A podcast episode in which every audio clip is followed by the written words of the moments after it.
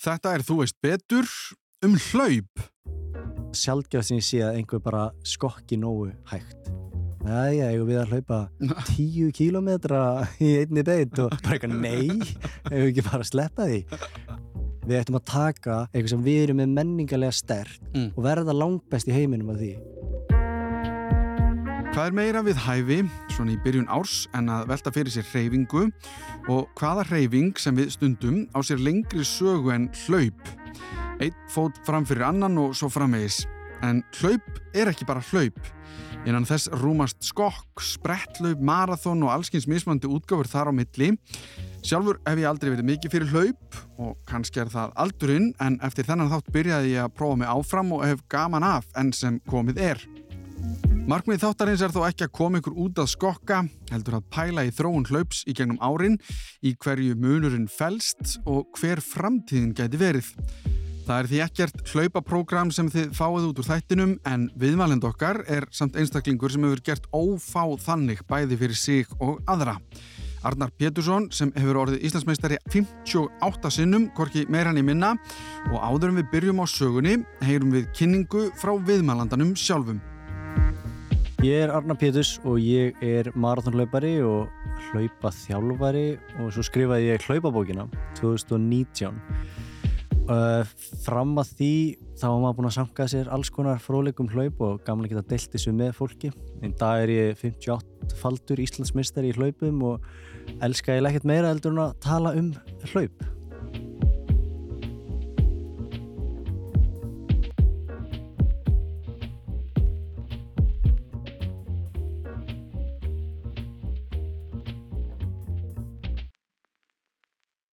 Það er alveg hægt að byrja að tala um hlaup bara alveg frá því byrjun, sko, eitthvað frumbyggja því að það er alveg áhugaveru punktur að ég myndi ekki segja mitt að það sé eðlislegt hjá manninum að hlaupa því við, þú veist, það er eðlislegt hjá hannum að reyfa sig Mm -hmm. það er miklu meira að við reyfum okkur á milli staðan og við gerum það tildulega hægt en við gerum það í mjög langan samfeldan tíma Mhm. það er svona cover við ótrúlega langar velind, þú veist, Róm ef við myndum fyrir Róveldi, þú veist, þeir lappa skilur allt sem ég fara, þeir hlaup Já. ekki í herrklæðum skilur, Nei, nei, það er nei. mjög sjaldgæft að einhverjir séu að hlaupa því að við, það er náttúrulega mjög orkufrekt að gera Mm -hmm. og síðan, þú veist, út úr því er þetta að fara, þú veist, náttúrulega flesti tengja við þetta marathon, þú veist, að hlaupa tilkynna sigurinn eftir þarna, stríði á milli mm spörtu eitthvað og hlaupa þarna þessu marathonvega Já, það er það sem veginn. fellir niður og, og svo er henni verður eitthvað hlaup svona sem konsept, þú veist ekkert bara fyrir en að olimpíuleikari mitt byrja að koma inn í svona heimsmyndina Mhm. og það svona bara frá 1900 og upp úr svona hægt og bítandi en það er ótrúlega lítil það er svona einhver framþróin en það er að tala um alltaf framþróin sem verður hana því að fyrst er fólk bara að gera eitthvað mm -hmm. það er bara að hlaupa Það er bara að hlaupa, eitthvað. já, já. þú veist bara hvernig ég verið góður hlaupin bara hlaupa eitthvað Mhm. það var ekkit endilega að vera að hlaupa ógislega mikið, þú veist, stundum var það bara það var bara eitthvað, þú veist, bara spretta Mhm. og svo var einhver sem gerði eitthvað og þetta var svona þróaðist í það, þú veist að þú sér síðan hvað virkar já, ok, þessi hérna hvað, þessi er hann svolítið góður, hvað ert þú að gera Mhm. og þá byrja allir að gera hans eins og hann og svo, þú veist, færist það þannig og síðan hægt og byrja að koma vísind inn í þetta Mhm. þegar þú byrja að geta tekið einhver svona einingar Mhm. þú veist, já, ok, það er þessi með hátt gildi af þessu eða látt af þessu og þessu er hann góður svona Mhm. sem að færist, þú veist, inn í að þetta verður alltaf meira og meira kompettu, þú veist ólimpíuleikar hægt að vera fyrir bara áhuga fólk og verða svona atvinnu manna greinar Hvenar er það til dæmis? Er svona sirkabót? Erum við einhvern veginn...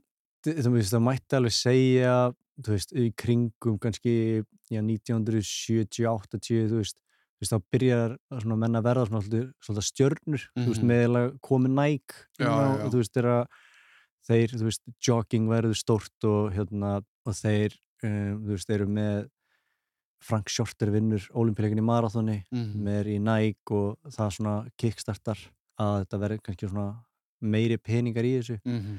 en síðan alltaf er það eiginlega búin að tífaldast, þú veist, bara síðustu tíu árum, Já, já. hvað eru margir sem eru einhverju atvinnum en í íþróttinni og, Mhm. og svona hvert er að stefna en það er alveg merkilegt að það er ekkert eitthvað þú veist, framþróðin í heimsmyndum er alveg búin að staðna mjög mikið Mhm. þú veist, það er ekkert bara eitthvað að fólk verði já, miklu, miklu betra Já. það er svona Á olimpíuleikunum framan af Mm. erum við ekki með einhverjum svona hlaupastjórnur af því ég hugsa um sko hvað heitir hann sem vann í Berlín bara þegar Hitler var í, í stúkunni Já, eða Jesse Owens já, Já. þú veist og, og kannski náttúrulega er hann líka frægur fyrir að því að hann er í Berlín Hitlers svartur Mm. að vinna allt og er Mm. bara eitthvað ógeðslega góður Já, þannig að það er marg laga einhvern veginn hvernig hann skráði sig og spjöld sögunar mm, en erum við að horfa á, þennan, þess, þennan tíma kannski fyrir 1970 eitthvað svo leiðist þegar markaðsöfling koma inn í Mm. þetta erum við að horfa á þann tíma sem pínu svona eitthvað er í gang eða þú veist Er, er, er þetta kannski bara svona af náttúrunar hendi er fólk að hlaupa hratt ekki endilega af því að það er komin svo mikil vísindi um hvernig ég að gera það um, Ég held að segja að það er mjög mismönd eftir sko hvaða greinar þú ert að tala um að því að veist þarna var alveg fólk að æfa á háu leveli mm. og það er líka sko að því að þau voru alltaf ekki að hlaupa bæði í hvorki sömu veist, aðbúnaði með gattana en svo Mhm. líka náttúrulega eins og með sprettlumina stærsta er þú veist að undir lægið þau voru ekki að hlaupa á þessum tartan Mm -hmm. vísindalega gerðu brautum sem að þú veist gefa þig bara meiri hrað það skiptir Mhm. máli á hvað undirlega þetta var ofta einhverjum malarbrautum og að hlaupa þar þú veist, bara undir 11 sekundum þar er bara ótrúlegt dæmi sko. Já, já. það er líka ótrúlega erfitt að bera saman á milli svona hérna, já, tímalega séð sko Mm -hmm. og tímabila þannig að en það er svona, það verður alltaf bara meira og meira aðgengi að þú veist, einhverjum svona vísindalegum aðferðum við að gera hlutina og líka hérna eins og, þú veist, þegar þú byrjar að gera ef við, ef við tekum til dæmis langklaup þessi svona fyrsta í rauninni æfing aðferð er í rauninni bara að sjá hvað virkar með því að sjá hvað fullt af fólk er að gera og sjá hver verður betri. Mm og þú veist þá sér, já, heyru býtu þessi hérna er að hlaupa veist, 13 sinnum í viku og hann er langbestur í heiminum eitthvað, já, ok þá hann er að hlaupa Einmitt. rosalega mikið ok, það er kannski að hlaupa rosalega mikið getur gert rosalega gott -hmm. og þá að byrja allir að hlaupa rosalega mikið og þá komast þér upp á eitthvað ákveðið level, Mm en svo kannski er einhver að taka þetta aðeins lengra og þá er kannski, já, en þessi hérna eins og svíðandi með, þú veist, sem er á eitt orðið fartleg, Mm. hraðaleikur þú veist, þá er það hérna, já, hann þá er einhver, einhver allt í hennu bestur í heiminum Mm. betur en allir sem er hlaupa óksla mikið Mm. þannig að byrja hvað er hann að gera öðruvísi það er svona, já, hann er að hlaupa mörgum mismunandi hröðum, mjög reglulega hann er að tikkin í svona mörg, Mhm. marga mismunandi hraði, já, ok, það er ekki þessi sniðugt að vera ekki alltaf að hlaupa bara langt heldur líka kannski að vera með einhverja fleiri hérna svona breytingar á hraða Mhm. og allir byrja að gera það skilur og svo kemst upp á annar level Mhm. og þetta fer svona alltaf svona áfram inn í þetta og síðan byrjar að koma með alls konar svona vísindalega nálganir eins og þú veist að mæla mjölkusýri í blóðinu hvað hún er mikil þegar þú ert að hlaupa ákveði hratt eitthvað ok, það verist vera þegar að fólk er búið að hlaupa mjög mikið að mjölkusýran hækkar rosalega mikið þannig hún er eitthvað, er eitthvað slæmt ég held að það hafi verið sko fundið út í því þegar þú veist, þegar að vera að drepa hesta eða einhver dýr og þú veist, það var mælt mjölku sér í þeim, þú veist, eftir að þau voru að hlaupa ógeðslega mikið, skilur að vera Mm. eldaði að veifa þau Mm. og þá var það, þú veist, sást þetta þarna efni í þeim Já, og þá byrja að pæla, já, býta, er þetta eitthvað efni sem kemur, þannig að það voru orðin, þú veist, örmagna Mhm. og þá byrja að mæla þetta hjá manninum og, og síðan, þú veist, verður það aðgengilegra en að fleiri geta að byrja að pæla í þessum hlutum en einhverju svona bæjómarkarar Mhm.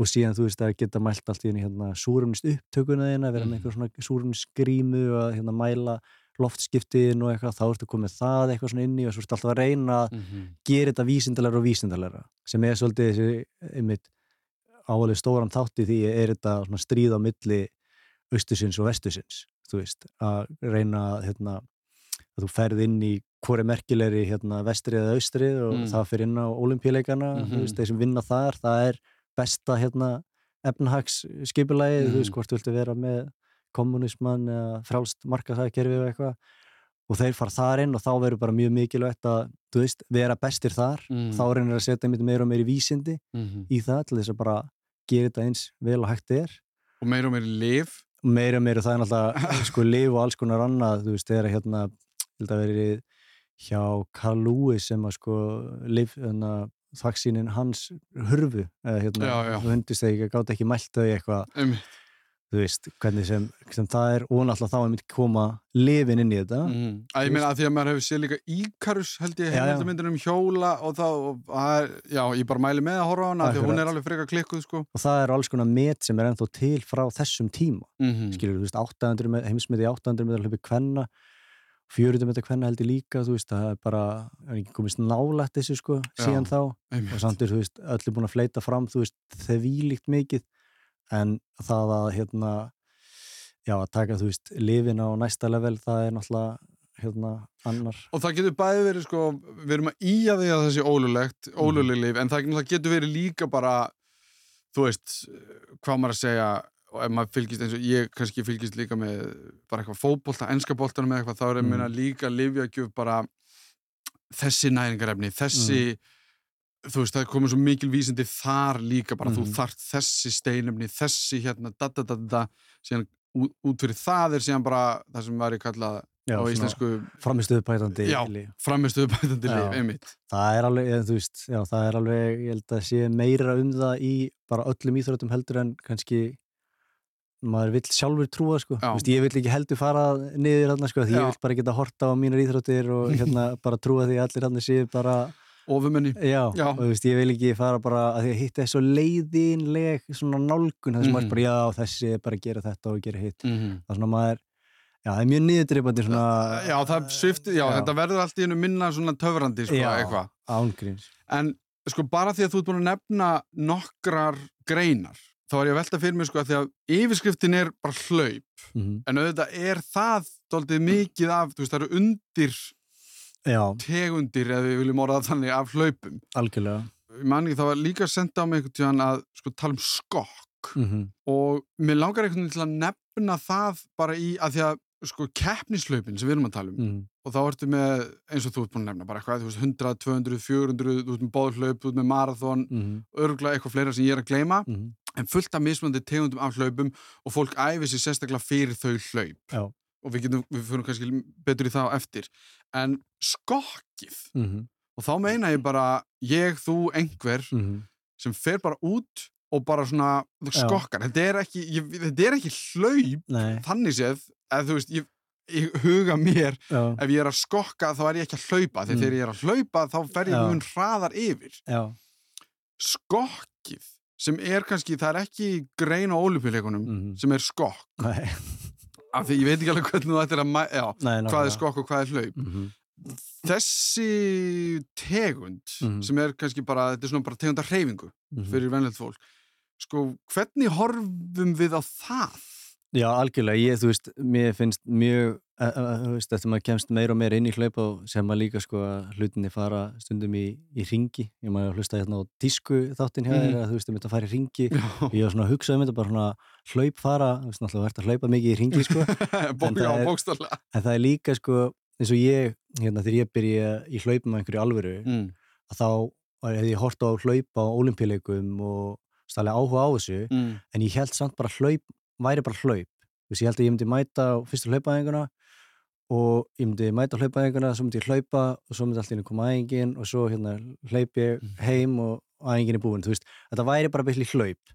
Þú, e, þú væri ekkert meira dýpar heldur en það væri bara hlaup. Þú veist, það eru miljón hlutir, þetta eins og ég skrifaði sko í hlaupbókina og fyrsta setningin einna fyrstu verðast hlaup er að einfaldast íþrótt sem til er en svo er henni sko bókin 416 blaðsjö og, mjög, og ég, þú veist, slefti út hellingu og eitthvað, þannig að það er mjög auðvelt að skrifa eitthvað mikið um þetta, en það er mjög djúft sko einmitt, ef þú ert að fræða fyrir eitthvað alvöru, einhverja vegalengd, ákveðna vegalengd eða ert að gera allir til heilsubótar, mm þú veist, hlaup til heilsubótar er náttúrulega skokk mm. svona meira og minna. Já. Ef ég er einhver að segja mér hérna, já, mér langar að þú veist, bæta heilsuna mína, mm. Þá segja ég ekki viðkomandi hérna, já, viltu ekki fara að hlaupa marathon? Viltu ekki fara að æfa fyrir marathon, þú veist, það er bara síðasta sem þú ættir að vera að gera ert að hugsa um skilur heilsuna, sko, það er ekkert eitthvað sérstaklega heilsu samlegt, sko, þetta er mjög svona öfgakent og þetta er meira, þú veist, en maður hugsa, ok, þú vilt byrja að hreyfa, veist, það er sniðugt að hérna, vera með skokkin í, inn í hreyfingunni, en maður notar inn þessar vegalindir meira svona upp á að halda þér svona í íþróttinu halda þessu spennandi, þú veist, að hafa markmið, hafa eitthvað að Mhm. stefna og sjá bætingarnar á því að einu sinni við sagði alltaf fólk, þú veist, já, bara fara út þrísari viku, skokka í 20-30 mínútur og svo, þú veist, þegar þú eru búin að gera það í 4-6 vikur eitthvað, Mm. að þá getur þú veist, haft samband við einhvern og hjálpa þér eitthvað áfram mm en rauninni, þú veist, myndi ég ekki segja það því að núna myndi ég segja, sko, þetta er alltaf að hérna bara fá þér strax einhvers konar prógram eða leiðbynningar að vera með eitthvað, eitthvað með þér mm. að því hitt er svo fljótt að einhvern veginn falla um sjálfsig þegar þú ert bara einhvern veginn sjálfur að fara að gera þetta og Mhm. ógísla ómarkvist einhvern veginn, veist ekkert af hverju þú ert að gera hlutina já, já, einmitt engin, þú veist, samfella eða neitt svona starra á bakvið þetta og það er dæmis svona stæsti punkturinn eins og sem ég hef séð, þú veist, að ég kemur í hlaup og þú veist, bara mjög markmiðadrifin og þú veist, bara með stefnu og olimpíuleika og ætla bara ná eins miklu málingur í mögulega get kynni mig alls svona vísnælega tengt og eitthvað það sem ég aldrei grunað er, þú veist, svona, svona engunar orðið mín í dag er bara svona, það er allt er hægt ef þú kannt að fara nógu hægt hvað það felur í sig, þú veist, það felur í sig allt bara svona í lífinu, ef þú ætlar að læra eitthvað nýtt, þú veist, Mhm. það verður að kunna að fara á byrjun, þú veist, ekki bara að byrja keirt bara í fyrstu, fyrstu ætla bara hérna hlaupið upp eitthvað fjall og aldrei, þú veist, hlaupið einu svona skref á eðinu. það er mjög góð leið til þess að renna á rassin með allt Já. sem maður er að gera bara byrja að fara nú hægt og það á ótrúlega vel við um hlaupin að þetta er svona erfiðasti eiginleiki og sjaldgæfist eiginleiki sem ég bara sé bara hjá öllum sem ég hef þjálfað þá er það sjaldgæfist sem ég sé að einhver bara skokki nógu hægt það er bara, þú horfir hvað sem myndir horfa á púlskögnin eða hraðan hjá viðkomandi Mm. þá er bara eiginlega alltaf sem er að fara of hratt í rólegaskokkinu og það sem það þýðir er að viðkomandi er í rauninni að brenna allt og mikið af kolvetnum og ekki brenna nógu mikið af fytu og er rauninni ekki að þjálfa þetta svona grunnkerfið í Mm. líkánu svona, sem að er, maður þarf að fara á fáránlega einmitt hægt til þess að geta verið á réttum stað en það er líka það sem er eitthvað svona mest heilsu bætandi með mjög gott svona fytu brennslu kerfi Mm. þar að segja mjög auðvelt með að skipta yfir í fytu Mm. sem orkugjafa þú veist, þá ertu ólíklega að fara í eitthvað svona sigufall og því að þú getur bara líka með skipta yfir í fytuna Mhm. þegar þið vantar orku meðan að fólk sem er mjög lélegt í þessu það, þú veist, upplifir átt svona mikla, svona verið mjög orku lítið og þarf að Mm. keira sig upp skilur í blóðsigrunum eða keira upp í einhverju þannig að það er mjög mikilvægt að hafa þetta á lás en það er fáranlega erfitt að ná svona réttum tökum á þessu af því eins og ég tala um hring sko þegar þetta byrjaði, þú veist, jogging verður svona upp úr, einmitt, upp úr 1970 með Nike, með hérna já, þegar að Phil Knight skrifar bók svona um hérna jogging bara, Já. heitir bara jogging að þá verður líka svona einhvern veginn, þú veist cool, smá sexy eitthvað hei, þetta er ný típa af hreyfingu, þú Mhm. veist, þetta var bara auglist þannig, það voru auglýsingar bara ný típa af hreyfingu, þetta var svona eins og, þú veist, hver aerobic fitness tíma og þá er bara auglýsingin að fólk að skokka mjög hægt skilur og allir bara eitthvað, hvað er þetta? Síðan fyrir þetta sem einhvern veginn ekkert, þú veist, bara fyrir mig mörgum árum eða þetta er kannski ennþá í gangi það sem að er náttúrulega crossfit, þú veist, Mhm. sjö mínútna æfing, tíu mínútna keirslaæfing allar æfingar eru keirsla skilur, það er það sem við verðum að tala um svo kemur Af segir því við höfum ekki tíma, við verðum Já. að gera já, svo kemur og segir, já, farðu hérna ógæðslega hægt bara eitthvað, hvað meinar þú veist en þegar þú segir ógeðslega hægt mm -hmm. Og sko ekki það eins og ég sagði við þetta verður ekki endilega hérna, þetta eru hérna, eftir þáttil eru ekki nokkur æfingaplön sem fólk getur fyllt eftir því að eins og þú segir ef fólk vil fá bara hreyfingu Mm að þá er skokk frekar góð bara svona almenn Ha- hversu hægt er akkurat.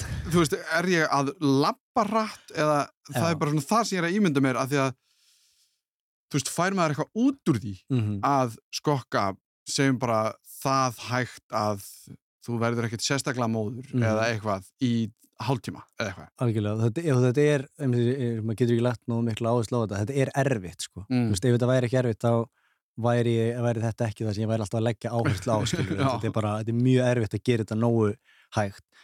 Það eru mjög margir sem ég segi, hérna e, þættir sem að þú græðir á því að gera þetta nógu hægt eitt sem er, sem að, þú veist, til að vita hvort þú ert að fara nógu hægt, eitthvað mis auðvöldlegir að sjá hvort þú getur andað með nefinu þú veist, Mhm. flest getur við lappað og andað Mhm. með nefinu en það eru ekkert margir sem að geta skokkað og andað með nefinu þannig að fyrir mjög marga er fyrstu skrefin er í rauninni lapp og þá þú veist, ef maður er á þeim stað þá er mjög sniðut að nota með brekkur Mhm. að þá lappar upp brekkuna en þú getur oft svona skokkað niður hana þannig Mhm. að brekkuna hjálpaði niður eða langar ekki að einhvern veginn, þú veist, langar að smá meiri fjölbreytni í þetta Mhm. en síðan er hitt sem, sagt, sem er mjög mikilvægt er sem sagt, eftir æfinguna á þér að líða eins og hafur ekki gert neitt Mm. og daginn eftir á þér líka að líða eins og hafur ekki gert neitt Ok, þannig að við erum að tala um alveg þokkala hægt. Þetta er alveg fáránlega hægt og það er, veist, og það er náttúrulega hlutansett á milli fólks, að að þú getur alveg að tjekka það þú veist, ef þú myndir fara eitthvað, ég ætla að fara nú hægt eitthvað, svo þegar þú ert að klára, hvað sem heitir 10, 20, 30 mínuna skokk. Mm. þegar þú ert að klára, eða líður svona ok, gott að ég sé búinn. 100% að vara hratt. Ef þú ert að á þetta var ekkert mál. Svo vaknar þetta einn eftir og finnur eitthvað. Mm. þú veist, þá varstu líka að fara á hratt í þessu rólega skokki. Þannig að þetta er mjög erfitt að fara þetta hægt. Og ég, þú veist, eins og ég um saga sem ég sett nokkur sem er, þú veist, bara í miklu aðengamagni, taka mjög rólega skokk, eða rólega skokk bara klukktíma morguninn og klukktíma setjumbaktinn og síðan um kvöldi var ég bara eitthvað leiðin sé að ég gert neitt, þú veist, mm. ég var bara er ég að æfa nógu mikið, þú veist, ég er að þjálfa sjálfa mig og þú veist, maður alltaf að spá í þessu. Er ég að gera nógu mikið, er ég að gera nógu mikið til hann árangri og eitthvað? Og daginn á mundan hefði verið bara mjög góða erfæðing, sko, eitthvað. Þannig morgunin var ég búin, eða morgun og kvöldi búin að taka það ræðingar og ég bara Þú ert búin að hlaupa 14 km morgun, 14 km setjum, þú ert búin að hlaupa 28 km í dag þú veist, þú ert 100% að gera nógu mikið þú veist, þú ert ekki að hlaupa meira Já. en bara þú maður ströggla samt við þess að ég tengdi svo mikið við þessa tilfinningu því ég var bara, mér líður þess að ég hef ekki gert neitt mm. og maður mhm. þarf að því því því þjálfur það er það er rétt, mm -hmm. þú ert að gera rétt ekki, þú veist, við erum eitthvað að stressa þig á einmitt að að þetta er svo innbyggt í mann að maður einhvern veginn vill líða eins og maður sé, þú veist, þreyttari bara, þú veist, er ekki harfsperur hérna, það eru á, hérna, hvað segir maður ég veit ekki, hérna, ávísunin eða öryggi að þú hafi gert eitthvað með, þú veist. Að því að síðan er þetta, það er að vera samfellan í þessu og þú veist, síðan tekur ég erfiðar æfingarinn á milli, en mm. þú veist, þessar æfingar, að þú getur náð þessum æfingum rétt, þú veist, þá ert eiginlega komin með, sko, fyrstu nýju skrefin á tíu til að geta náð langtíma árangri mm -hmm. að þetta er undistæðin í langtíma árangri að geta tekið rólega ef það er nógu rólega mm. Þannig að, En þá er sko eiginlega næsta spurninga er en ef ég bara hef ekki ef að segja metnað mm -hmm. mér langar ekki til að ná lengdum -hmm. eða, sagt, og tímum eða eitthvað svo les mhm. ég bara hugsa um þetta sem hreyfingu mhm. er þetta nóg? eða byrjar einhvern veginn skilur að, og og ég gerir þá ráð fyrir að ef þú byrjar ógislega hægt mm -hmm. að þá ertu samt einhvern veginn að byggja upp, ég meina eftir einhvern tíma þá ertu með sömu tilfinningu, heyrðu, mér lýður þess að ég hafi ekki gert neitt en mm -hmm. þú hefur svona farið lengra á þessum 20 mínutum heldur hún gerir áður eða, eða mm -hmm. einhvern veginn, þú veist, getur þú sagt bara, heyrðu, þetta þetta er það Já. stig sem mhm. ég ætla bara að halda mig á Já, ég syns algjörlega, það, það er hérna það er svona tveir punktar í þessu svona aðalpunkturinn er sko til að gera þetta svona eins heilsusamlegt að þetta er mm. og bara sko hvað þú veist hjartalegnar og hjartasamtök og hérna leggja til mm. að þú veist það er bara þrjus og fjóru svona viku 30-40 myndur á róleiri hreyfingu sem getur verið þú veist göngutúr sko mm. bara allt í góðu en af hverju eru þau búin að vera þú veist að inbráðis í þú veist veit ég hversu marga tíu ára já. að þetta veist þetta er gerir þetta enginn, þú veist ekki eitthvað já nú er ég í hjarta heilsu dæmi hérna ég ætla að lappa ef þú ert með hund til dæmis, mm -hmm. þú veist, þá ertu með eitthvað sem þú verður að fara út með og þá líka mæli ég með, skiljur, þeir eru að fara út með hundin að reyna að hafa þetta svona samfeldri hreyfingu, ekki, þú veist, stoppa á einna mínuði frest, þú veist, bara reyna að láta að ná þessu í svona, svona samfeldu mm -hmm. lappi, sko, þá ertu komið tilgang inn í hreyfingun og hún bara gerist, mm -hmm. þannig að ef þú ert að fara með hund tviðsvara dag, kortir í kort skipti þú veist, þá ertu bara í frábærum málum hvað var það, og hún að lappa í samfélgum mm -hmm. þá ertu í frábærum málum mm -hmm. og þetta er eitthvað sem alltaf halda þér inni mm -hmm. þú ert alltaf að fara út með hundin já, já. og þá ertu komin í góðan, góðan gýr skilur. síðan er hitt, ok, ég ætla að fara hérna og gera bara sem er gott fyrir minimum fyrir helsuna mm. að halda þér inn í því það er eiginlega ómögulegt, það gerir það enginn þú veist, það er enginn bara eitthvað, ég er bara með þetta og það er einmitt þetta svona með þessi markmið, með þessi þú veist, hvort sem þú skráði í hópi eða þeir eru tvö saman eða eitthvað, þú veist, þú við verð, þú veist, bara manneskjan er þannig, þú veist, ég funkar að þannig að, þú veist, þegar ég er ekki búin að finna, þú veist, alveg markmið fyrir næsta tímabil, bara all, hlaup og allra æfingar var svona hundrað sinnum leðilegri. Já, einmitt. Þú veist, það er ekkit, ég finn, ef ég finn það stert, skilur þú, og ég elskar hlaupa, skilur þú, þá bara get ég vel ímynda mér að, flestir finna það bara mjög stert þeir eru ekki með eitthvað svona mm -hmm. markmið, þá er þetta svo auðvelt að ekki fara æfinguna eða stetta út Já. og þá nærði ekki þú veist þessum samfellu áhrifin sem að koma því að áhrifin koma ekki frá því að taka einæfingu heldur þú veist að taka hundraæfingar yfir langan tíma þar sem þú kannski eru maks tveir, maks þrýr dagar á milli án sem mm -hmm. ert aftur að setja álag smá álag líka mann, það er ekki að gera mikið skilur Mæmi. en það bara, þess að vera að læra tungumól þú veist, ef þú ert ekki skoðar tungumáli á tvekkjamanna fresti þá myndu aldrei ná þú veist neinum framfæri Nei, ég er að ströggla við frönskun og Duolingo sko en sko þá kannski og, og ég meina, ég var einu sinni á fullu að lifta og Mm. þá alltaf þegar fólk kom til mér og sagði, herðu, getur þú hjálpa mér eða mm. bara veist, einhver vinir eða eitthvað og þá var þetta eiginlega raunin líka það fyrsta sem ég sagði Já. þú veist, þú verður að vera með eitthvað sem Mhm. heldur utan um þingdinaðinar og eitthvað, mm af því annars hefur ekki aðeinu, þú veist, annars ertu alltaf að mæta og segja, byrju, hvað gerði ég síðast og Akkurat, árangurinn verður rosalega svona, þú veist, af því að umbreytingin á líkama mm er gríðarlega Mhm. hæg og þá eiginlega verður þetta pínu svona eitthvað, herru, ég sé engan árangur, ég er búin að vera Já. enn í tvo mánu, ég er nennis ekki lengur. Já, ég vil að sagt, þú veist, ég get náttúrulega að bara svona, hérna, mjög gaman að því ég er, ég mitt að þú veist, fór, koma að segja, óvart út í það, það var aldrei planið að vera hlaupa þjálfari, sko, Mm. þess að ég var svona meira að gera, hjálpa fólki að það var að hafa samband við mig og ég hugsa, já, þetta getur verið svona eitthvað sem ég get gert allstæðar í heiminu, verið í æfingabúðum og eitthvað, en síðan bara finna hvað þetta er ógeðislega gaman, ég, veist, ég hef verið meira að fagna í árangur hjá öðrum heldur en hjá mér í hlaupi, samt vann ég hlaupið, Mm. en bara sjá þeirra þau koma að eitthvað sprett, ég bara, já, það er bara svona geðveik tilfinning og mér finnst líka svo fyndið að geta verið bara svona ópinverlega og satt, þú veist, bara að þú verður að fá þér einhvers konar prógram til að vera með Mhm. þér í þessu, þú veist, það gerir allt þetta er bara svo, já, að reyna að rata einhver leið, það er tölvört öðaldar eða með kort, sko, Já. mjög tölvört öðaldar, sko, Já. kemst mögulega eitthvað, en bara þetta er, já, bara algjör svona leikið þáttur í þessu, sko mm. En hvað með, sko, af því að nú erum við, þú veist, þetta er skokkið og einhvers stað verðum við öll að byrja og, og kannski bara fílar við að vera bara í einhvers konar skokki, skemmti skokki, þú veist, bara, það er bara þín hreyfing. mm. En það er ekkert sérstaklega algengt að fólk haldi sig þar. Eða, sko, veist, þessi, þetta sem þú ert að tala um þetta, þessi keppni eða bæting á tímum og, og Mhm. allt svona það vill oft koma inn mm og ég á vini sem eru þannig -hmm. og ég, ég ætla ekki að segja að ég sé skilji nákvæmlega um hvað máli snýst af því að ég hef aldrei verið sérstaklega mikill hlaupari Nei.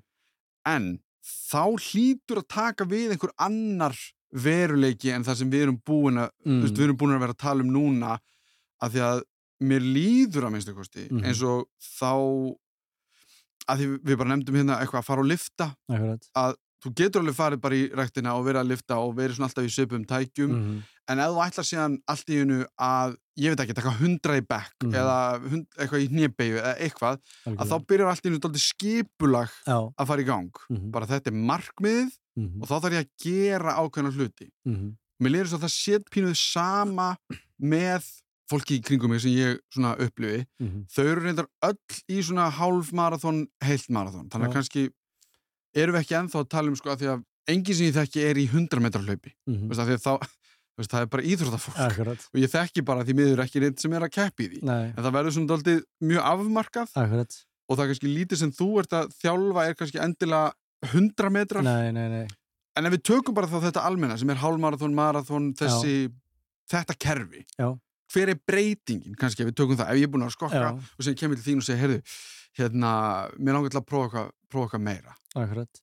Í hverju er hún falin bara svona heilt yfir? Já, þetta er svona, það er líka nokkur hluti sem gerast, það er einmitt þarna eins og þú tekur úr liftingunum að þú ætlar að ná 100 í bekk. mm Það sem gerist er að þú ferð svona fyrir fólk og ferði yfir svona ákveðin þröskuld af því að um leið og þú ert komið með þetta markmið hjá þér, að þá til dæmis oft byrjar að segja kannski öðrum frá, þetta, frá þessu. -hmm. og þeir byrja að spyrja þig, þú byrja að spyrja þennan hvað átt þú í bekk, skilur Mhm, já. hvað átt þú í delli þá allt í hennu fær þú sömu spurningu tilbaka, skilur Mhm.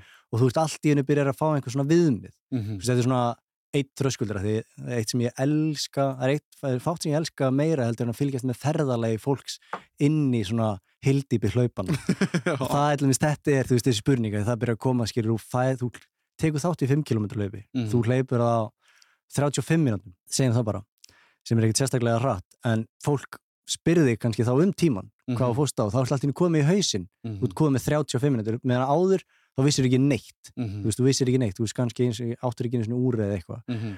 og þá ertu komið þessi viðmið og byrjar að hugsa um einmitt hvað á þessi, hvað á þessi og þetta er alveg svona mjög svona leikil skref að taka Mhm. það er svona segilega svona eitt besta leiðin til að byrja hlaup með að taka þátt í einhver hlaupi og bara klára það Mhm. og helst vera síðastur Mhm. að þegar þú mætir í næsta hlaup þá myndu bæta þeim svona tíu mínútur og það mynd fólk, þú mynd segja fólki spyrir fólk hvernig ég, "Eh, ég bætti um tíu mínútur og þú Mhm. mynd sko þú vannst hlaupi skilur, það myndir allir vera bara sko að tollera því að því að þú bætti þið mest það er það sem þetta snýst um þegar þú ert komin lengra inn í þetta mm -hmm. þau byrja að pæla í bætingunum og þetta kemur líka eins inn á svona kannski smá svona þjálffræðilegu hlut, hliðin á þessu. Það er að segja þú veist, fyrst er að fólk byrja það fór bara að hlaupa og gera eitthvað. Mm. það er unni fyrst að þú byrjar inn hlaupum og byrjar að gera eitthvað. En svo byrjar að þú veist nákvæmni svona flatlænar eða þú veist, þú hættir að bæta þig. Já, einmitt, og þá í einu, þú ert búin að fá allt sem þú getur fengið út úr þessar hreyfing sem núna, þú ert Mhm. ekki að fara hringin hraðar eða því finnst ekki auðveldar að vera á hraðan sem þú ert venjulega á, á brettinu eða þegar þú ert úti og þá þarf að bara að setja inn einhverja nýja þætti og þeir eru gæði þjálfunar eða gæði prógransins sérst algjörlega í hversu hægt eða hversu hratt það er að segja hversu hratt þú hættir að taka framförum eða Mm. byrjar að meðast, þú veist, ef þetta er umulett prógram að þá myndir kannski bara ógæðislega erfitt eins og maður kalla stundum svona ekkjabakka prógram og bara tekur hundra egg og hendið þeim í vegg og kannski eitt sem að mun verða heilt mm. þannig ég myndi setja bara eitthvað prógram á því bara 100 km á viku, þrjárgæðingar algjör dauði, mm þú kannski byrjar að taka þvílíkum framförum en eftir svona tíu vikur þú veist, þá hættir þau að taka framförum eða og bara líka minn á mig segir bara, herru, ég er átt, ég er að bara hætt þú veist, það geti verið bara fyrr já. og þú veist, annarkvort myndi hætta ekki framförum eða meðast Já, það er bara tvent á þessu. Mm en góð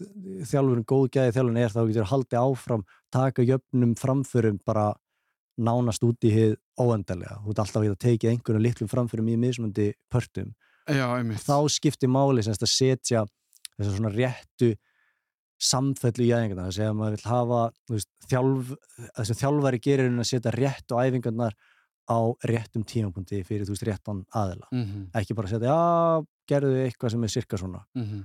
því réttari sem æfingarnar eru veist, því meiri verða framfærina, því Mhm. skemmtir eru á æfingunum og því rauninni hlutlagslega auðveldari verða æfingarnar. Að þú getur náða bæ- bætingum á mjög erfiðanhátt með því að taka mikið erfiðum æfingum Mm en þú getur líka tekið æfingar þar sem þú ert akkurat á réttu æfingasvæði og þá tekur um alveg jafn miklu framförum einhver sem er að drepa sig en Mm. þér líður miklu betur og ert með miklu minni líkur á meðslum. Það er svona stóra breytingin er að það byrja að koma svona formið og þá byrja þetta að vera svona smá eins og liftingarnar þú veist, ef einhver segir við bara eitthvað um mánudagur, hérna getur ekki bara tekið mánudagsæfingun á þriðudaginn nei, -hmm. þú veist, það er lappir á þriðudaginum, ég er að taka baki, þú veist, já, núna já. mánudegi, skilur við það verður alveg eins í hlaupum, það var svona nenni, það eru gæði á mánudeginum að því ég er að taka rólegt á þriðudeginum og svo er aftur gæði á miðudeginum, ef ég færi gæðin á mánudeginum er á þriðudeginum, þá er ég að taka gæði þriðudag og er einhvern hérna, bara er skiptir miklu og það er alveg þrétt, það skiptir máli sko. Mm ef þú færi eitthvað til, þá viltu helst færa fleiri þætti til og svona, Mhm. til að passa bara upp á líkamann sko. En sko, af því að við tölum um í, í skokkinu bara sem heilsubót, mm ef við tökum líka það, það sjónarhótt á þegar þú ferð lengra, -hmm. af því að alveg eins og, að, og mér finnst mjög fínt að halda þessum samanbyrði við liftingarnar eða þú veist bara, Mm. við getum líklega tekið hvað reyfingu sem er, en ef að þú ert ekki að gera neitt Já. og kemur síðan til mín á, á þeim tíma, ekki alveg mikið lengur, en og segir, hefur mér langar til að byrja að lifta Mm þá myndi ég alltaf segja, ok, að þú farir þrísvar í viku -hmm. og gerir eitthvað, þú veist, Mhm. bara þannig séð, Mm þá ertu bara fín, þú veist, bara í fínum málum þannig séð, það er miklu betra allavega heldur en að gera ekki neitt. algjörlega Það sama á þetta við um skokkið mm og þetta hljóma kannski til dýla, en er ég að græða Mm. eitthvað mikið meira, varandi sko mína einn heilsu -hmm. og bara svona þannig á því að taka þetta stökk yfir í tíma, hérna, ég komin í meira prógram, Já. þú veist, í staðin fyrir bara að því að hitt er auðveldara, Mhm. þannig séð skilur, þú ert bara að fara út og skokka, Já. þú ert ekki einmitt kannski að pæli gæði og, þetta, það Mhm. má hringla dögunum, Já. að því ég get tekið þetta eitthvað því aðeins lausar, Já. er ég að komast í þeimun meira form, er ég þeimun betur á mig haldin eða er ég meira bara að þetta er bara skemmtilega að þetta er orðin íþrótt sem ég byrjar að stunda? Já, ég held að þetta sé, þetta er, liftingarnir er mjög góð líking fyrir Martana að því að, veist, þetta er klárlega svona bell curve Mm dæmi þar sem að þú, ef þú ert múin að æfa, þú æfir fjóra tíma í viku, ertu svona hámarka heilsuna sem þú getur fengið út úr þessu og svo Mhm. þú byrjar að æfa kannski meira og meira og meira þú veist, elitu hérna, þjálfuna íþróttamenn, þú veist, ekkert að þið er heilsusamlegt þannig sér, skilur, þú ert að ganga mjög nærri líkamannu mjög oft og ert að Mhm. dansa einhverju línu, skilur maður vill ekki að svona venjulegt fólk sé þar, sko -hmm. en samaskapið, þú veist, eins og með liftingar, ef þú, þú gast einhvern tíma tekið 100 kíló í bekk Mm. að þá ertu náttúrulega með lengra fall þanga til þú getur ekki tekið þú veist, 1 kíló í Mhm, bekk skilur mhm. til að, hérna, þú hefur leng, svona, það er að segja, þú veist, upp á lífslíkur Já. að segja, skilur sama með að þú ert með mjög hátt þól eða mjög háa hérna, uh, háma súrnusuptöku að þá er hún með lengra fall þá hún verður svona byrjar aftræðir í lífinu þú veist, þú Mhm. vilt halda ákveðinu einmitt. súrnusuptöku til að lengja lífið sko. þannig að það, er, það hjálpar þér að hafa farið með hana þarf ekki að fara með henni upp í hæstu hæðir Mhm. en hafa virkjað hana í gegnum árin Mhm. alveg eins og að hafa búið til mikinn vöðvamassa af því að svona vöðvamassi eftir þessum eldri þú veist, byrjar að Rýrna, og já. minka þú veist, þannig að er betra að hafa farið upp í svona ákveðið Mhm. level sko, Mhm. En þú ert alls ekki að fara upp í einhverjar hérna, þingdir eða tíma þar sem að menn væri eitthvað skilur impressed af því sem hafi verið að gera sko, þú veist, þú ert ekki að fara það er ekki hérna, svona, au, ef maður hugsa um þetta sem heilsu bót sko, Mhm. að þá er þetta í rauninni að koma þér upp í svona ágætt stand Mhm. og svo í rauninni þart, þú veist, ef þú ert bara um heilsuna, alls Mm. ekkert að fara eitthvað mikið lengri en það og svo lína er, ég myndi að segja, miklu auðveldari heldur en kannski fólk já, heldur, af því að það sé Já. bara eins og svona, já, ég verð að geta farið bara undir 20 myndir í 5 km með eitthvað sem er bara mjög, það er ekkert margir sem, það er bara mjög erfitt þú Já. veist, bara mjög krefjandi að fara undir 20 mínútur í 5 km bara eitthvað, ég var að fara þanga það er, svona, það er næstu eins og myndi segja, þú veist að vera að taka 120 í bekk eða eitthvað, Mhm. Þú veist, það er bara, já, 120, það er helviti mikið, sko. Já, það er mjög Þú mikið veist, það er bara svona, Eða, þú veist, það er alveg, þú, fyrir, já, þú ert alveg að leggja á alveg, þig alveg á þig, Já, skilur ég fór hæst upp í 105 og það tók alveg þrjú ár Já, eða bara, já, já, geti, já, veist, geti, já, geti kannski með þetta við 20 myndur og, og 100 kíló í bekk, það væri Mm. svona, en þú þarft kannski vera meira í, þú veist, geta tekið 60-70 í bekk, kannski max eitthvað Já. og síðan værir að hlaupa 5 km á undir 26-7 mínútum, þú Mm. veist, þá ertu í bara helviti flottum málum, sko, Mhm. þyrftir ekkert að þú væri með þessi tvö balans þá er þurflega mjög nálægt í að vera svona í svona hámarks lífslíku líf, líku dæminu skilur, eða þú ert að hugsa þetta Nefnilega. bara heilsu bóta dæmi Og það er einmitt sko í raun ástæðan og fyrir alls ekki fara 300 km skilur, þá ertu bara eitthvað svona ég ætla að ganga frá mér. Já, af því ég held nefnilega sko að og, og þess vegna eiginlega nefndi ég þetta af því að oft þá hugsum við ekki í millivegum. Mm þú veist, við hugsum í öfgum. Algjörlega. Bara ég er sofakartabla mm eða ég er að fara hérna marathon á undir ég, held að Fjór- sé, eh, þú veist, eitthvað ef þú ert að æfa einu í viku þá ert þú veist að gera meira eldur en eitthvað 65% af fólki eða eitthvað sko. Já, þannig að þess vegna er ég einhvern veginn að að einblina líka á sko að það er alltaf lægi bara að skokka. Þú þarft ekki síðan að vera að koma með Facebook Nei, póstana sem að er að tala um tímana þeirna nei, sem notabene, tímanir ef þú ert ekki inn í þessari kreðsu þá er þetta bara tölur sem Algjörlega. allir eru að posta og þú ert bara, er þetta, ég veit ekki hvað ert að segja mér? Þetta verður ennþá finnar sko eftir því sem hún fer sko bara hérna að tala um, þú veist, við 400-800 metra, þú veist, Mm. það var einhvern ég var einhverju partí, hérna þú veist, félagi mín er 800 metrum og svo bara annar, annar vinnu minn sem er, er ekkert í hlaupum mm. og hann spyrir svona hvað grein hann væri, hann er ekki 800 já, ég sagði já, hann á 1.39, og ég, já, ok, næs hérna, hvað er það að gera eitthvað fleira? 1.39, sko, einni sekundur hraðar en heimsmetið, heilli sekundi og þú veist, það var ekkert, það fekk engin viðbröð það var ekki neitt, skilur, það tengdi null, og þetta Já. er alveg þannig, skilur, ég bara, já, ok, ég var að segja hann basically er besti íþróttamæður allra tíma og þér gæti ekki verið meira sá, en þannig er tengingin í tímum, einmitt, eina sem ég veit er að ef einhver er að hlaupa 100 metra undir 10 já, þá veit ég að það er þokkar sko. en ég man ekki einu svona, þú veist ég á nokkra vinnið mitt sem eru í marathon svona pælingum og, Mhm. og þú veist, hafa verið að nefna Mo Farah kannski eða einhvern, Mhm. þú veist það, það eru líka tíminn orðin pínu maður skilur ekki neitt, veist, þeir komin Nei. út í ykkur klukkutíma og, Mhm. og, og, og allt þetta, en sko bara því þú nefnir, hvað var það, 800 já, svona ef við getum svona lauslega farið í sko síðan munin á þessu tvennu já, að þetta er náttúrulega heiminn og haf að öðrum, að, sko í marathon er þetta hvað margir kilometrar? 42 42, já en við erum að tala um metrum á akkurat, hinum staðinum akkurat í stuttumáli, hv- hver er munurinn á hreyfingunni sem slíkri af því að við, þú veist, Mhm. við getum sagt við bæði að þetta er hlaup Akkurat. Það er mjög áhugavert sko, svona, mjög best, þú besti munurinn á þessu er rauninni hvaða kerfi í líkamann þú ert að nota. mm -hmm. Að þú ert þarna í marathónu komum bara í svona loft á þól dæmi uh, sem voru að nota 99% þar sko Mm.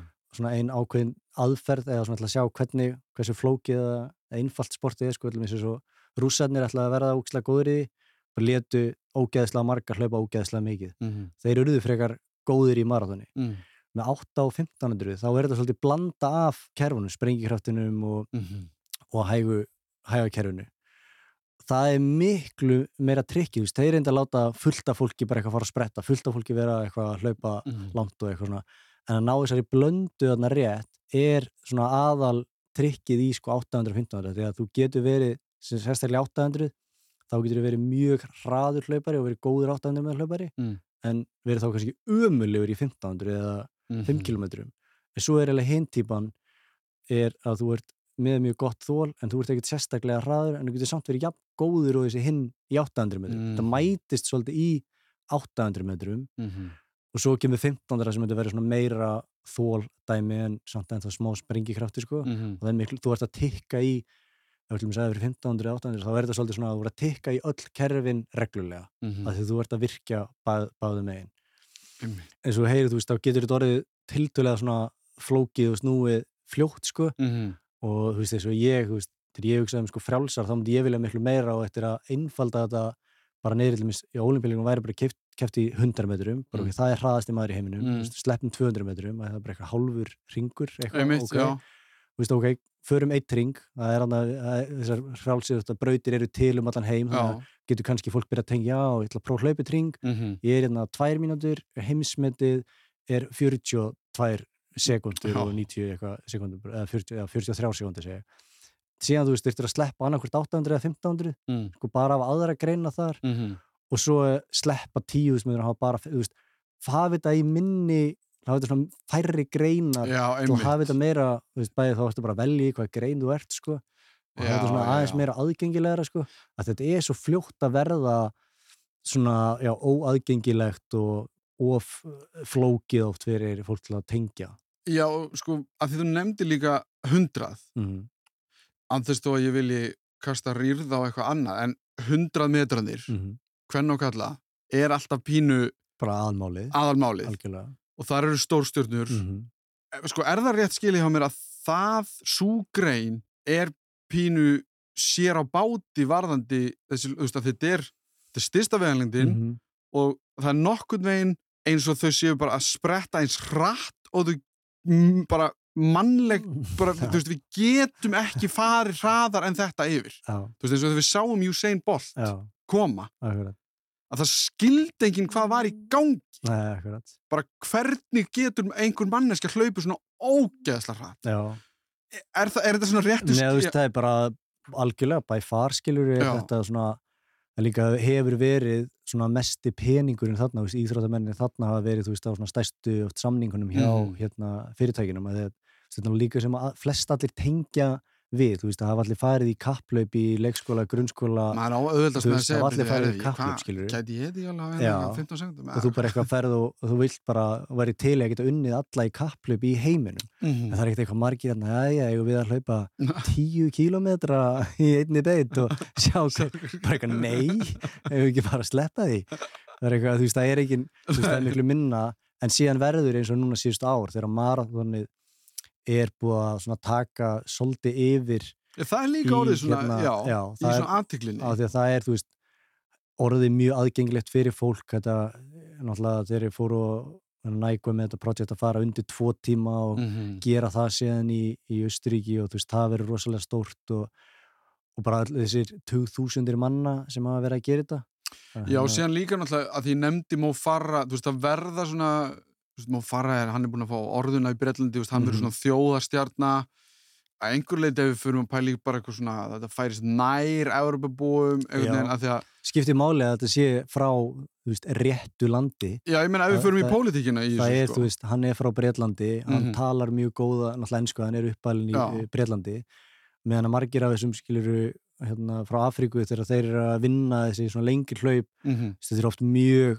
þú veist, bara ekki góð viðtölskiluru eftir á, já. þú veist, það er ekki verið að gefa mikið að sér og þetta er ekki einhvern veginn þetta er ó, mjög ó svona markaðsvænt fyrir fyrirtækin einmitt alveg eins og þú veist, þegar Frank Shorter var að vinna þetta fyrir bandaríkin í marathonu, það ger, gerir fáranlega mikið fyrir Mhm. bara svona allan heimina því að þá bara tekur Nike og bara promótar það í döðlur og það er dæmis ennþá í dag eru svona afgangur af því bara inn í svona fastin í vitund hlaupara er þess að hann hljópa alltaf löngutúruna sína þegar hann var æfa fyrir marathon Mm. bara mjög rólega þannig sé fyrir sig Mm. gerði alltaf með svona skokkhópi Mm. og hann fór 20 mílur það er að segja 32 kilometra og í marathon undirbúningi er mjög fast í hug ennþá, bara í Mm. hausnum á fólki að þú verður að hlaupa þarna 32 kilometra og verður að fara 20 mile run eitthvað Mm. og þetta var bara promóta út um allan heim bara, þú veist, af því að hann var bestur í heiminu á þessum Já, tíma, já, undir Nike, Nike promótið og allt eitthvað, hvernig æfi sá besti og eitthvað, en það sem gleymist í þessu með risastór punktur er að sérst, erfiðasta æfingin hans í vikunni var á mánudeginum sérst, daginn eftir þennan langa rólega túr Mm. það er ekki eitthvað sem að hefur skilur komið inn af því að Já. það sem gerist fyrir fólk, það fyrir hleypir hérna eitthvað 32 kilometra og er alltaf bara dauð uppgifið skilur bara eitthvað Það er ókýrslega lán. tek, já, tekur ekkert eitthvað æfi, góða æfing fyrir kannski á 50 þegar það er búið að jafna sig en Mhm. líkillin að því af hverju þetta gekk vel hjá honum gekk upp er að því hann tók einmitt erfiðust æfinguna á mánudeginum á þreyttum fótum, hann æfði líka mann í að hlaupa Mm. hratt þegar hann var þreyttur það er algjör líkil þáttur í þú veist hvernig af hverju þetta gengur gekk vel upp hjá honum veist, þetta hérna, þessi nálgun en það er svona til Þe- dæmi um hvað markasöfling getur tekið eitthvað síðan bara bú- bústaði áfram og það bara held, þú veist, lifir síðan bara Já. sínu lífi áfram sko. En hvað er það sem gerir þessa 100 metra hlaupara mm svona góð? Eða svo veist, hvað, að því mér líður eins og þessu massaðri, mm. þau með meiri vöðvamassa. Já, það er náttúrulega bara algjör andstæðan við, þú veist, hérna eh, langklöparan, við hérna tók við með ég og Ari Bræði sem á Íslandsmeti í 100 Já. metrum og við hérna, þá mættu við sérst á Kópáðsvöll og við tókum við kapp í sko 100 metrum Mm. og svo hljópa hann 400 metra á hálfmarathonraðanum minn, síðan 400 eða að fara kílómetri á marathonraðanum Mm. Þegar þú horfir á sko hlaupið, þú veist, þá er ég þú veist, í rauninni merkilega nálattunum í 100 metra hlaupinu, þú Mm. veist, þú, ef við sérlega vel á eftir honum, skilur við síðan tókum við, skilur við hann ég held að hann hafi sprungi sko á marathonraðanum mínum eftir 600 metra, Mm. þú veist, þá bara gat en ekki meir, bara, þú veist, hrin, hrinur í jörðina, skilur við, og bara, þú veist, liggur hann bara, þú veist, þetta er ógeðislega ég er bara sjaldan hleyja mikið, sko en bara munin á því, því hann er með algjört bara sprengikraftskerfi Mm. í, þú veist, toppi Mm. Og með þól bara, þú veist 5% þól, bara mjög 5-10% þól, bara mjög lítið en hann getur ekki, bara hlaupa ógillar hatt getur á hann, en hann var eitthvað sko nálægt þessum hámarsaði sínum, þá er hann mjög fljótur að hægja á sér, Mm. þú veist, hann getur farið mjög hratt en hann getur ekki verið mjög lengi Það. mjög hratt, Já. ég, þú veist, fer minn hámarsaði miklu minn en hans, Mm. en ég getur verið miklu nær hraðanum í mjög langan tíma Mm. og það sem að skipti, þú veist, leikil máli náttúrulega í báðum, öllum, öllum íþrótum skipta náttúrulega gen ákveðnu máli veist, hverjir eru genafræðilega líkleri Ég verð ekki kárist einn eitthvað svona undur. já, hann er náttúrulega líka eitt svona bæði, hérna, heila hvað er heilan og hérna líka stafnuna bara fluggáfaður og hérna geggjaður Já. hlaupari, sko Já. en það, þú veist, er miklu líklera eða, þú, veist, þú verður að vera með þú veist, þessi svona hröðu vöðvaþræði og síðan eru svona í rauninni svona súperhraðir vöðvaþræðir Mm. sem er alveg svona sérstaklega óalgengt að þú veist, þú getur ekki rauninni þjálfa það nema upp að vissu marki sko. þannig að þú þarfst að vera með þessa svona súperhröðu vöðatræði Sem þú bara uh, eiginlega fæðist með. já, já, veist, og síðan að því að þakið þitt í þú veist hversu hratt þú getur hlaupið Mm. er miklu stífara heldur en þakið hvað þú getur bætti mikið í þól íþróttum Mm. þú veist, þú getur alveg verið bara ein, ef ég myndi vera bara eins hérna, leggja bara allt undir að vera eins og ég mögulega gæti Mm. þú veist, ég verið mjög fljótur að bara rekast á þakkið mitt þar sko. Mm. kemst ekkert nema bara svona Já, bara þegar þú ert bara, já, við erum bara öll mismandi já, byggð og það. ég er ekki með þessa super hröðu vöðtræði, þú veist, þá mun ég bara komast að því tildulega fljótt, þannig séð sko. með að við þólum getur þetta verið bara 15 ára prósess, bara svona hægt og bítandi að auka þólið Mhm. og þú veist, ótrúlegasta fólk hefur séð fáranlega miklar bætingar bara í rauninni, þú veist, út frá svona elju og bara Mhm. tíma sem hún leggur í þetta sko. Bara því þú nefndir hraðan mm og fólk sem, ef sem maður horfir á marathón, þá er, ok, bara sjónprófið er náttúrulega bara, já, þetta fólk er ekki að hlaupa í að prata á 100 metra fólki já, en það sem maður sér í sjónvarpi er oft aldrei blekkjandi að því maður hefur séð svona, svona bara, hlaupa hliðin á þeim. já, eða fólk líka bara eitthvað setja hlaupabretti Já, já, á já. hraðan sem að Mo Farah er á eða eitthvað og hann er alveg galinn Já.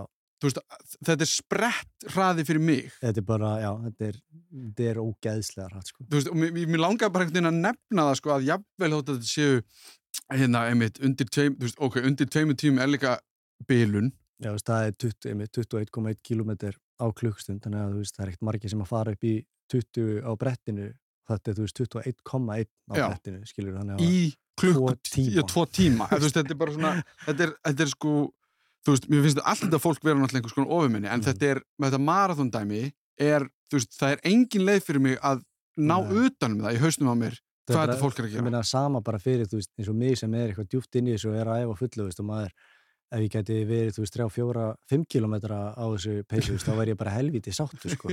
en þú veist, þetta eru bara 42 km og þetta fer alveg þannig að maður er bara, já, þetta þetta er svona hálf hálf óskiljalegt, sko, hvað er að hlaupa hratt lengi, Já, það er alveg og þar spila genin líka Já, já, genin náttúrulega spila ákveðna rullu, rullu þar sko, það er alveg hérna, þú þarfst að vera með svona, það er svona helsta svona, helsta sem hefur komið samt með svona gena tengt er að þú henni vera með kálfa vöðvan svona eins hátt uppi og hægt er.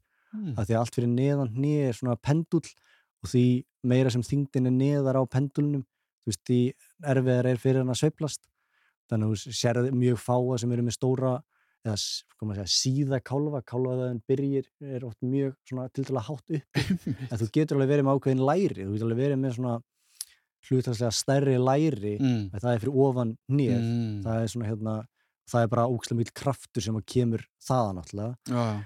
en síðan, þú veist, allan að virðist í langklaupunum að þá, þú veist, genin er það sem að, og líka náttúrulega í sprettlaupunum að hérna, það er náttúrulega menningin sem að Mm. hérna er líkillin að árangri þú veist, af hverju það eru þú veist, tugir af bestu hlaupurum allra tíma koma frá Bekoji í Etiopíu bara því að það er, þú veist þaðan byrjuði hlauparinn að koma og þaðan Mhm. byrjuði menn bara, já, ok við erum hérna, getum orðið þetta góð við erum frá þessu hérna hér að allir prófa hlaup Mm á Íslandi, þú veist, prófa allir fótbolta Mhm. prófa það allir já, já. þannig að ef þú áttir möguleika á að elska fótbolta og mögulega verða góður í Mm. góður í, þá er færi allavega að smjörþefina því skilur Já.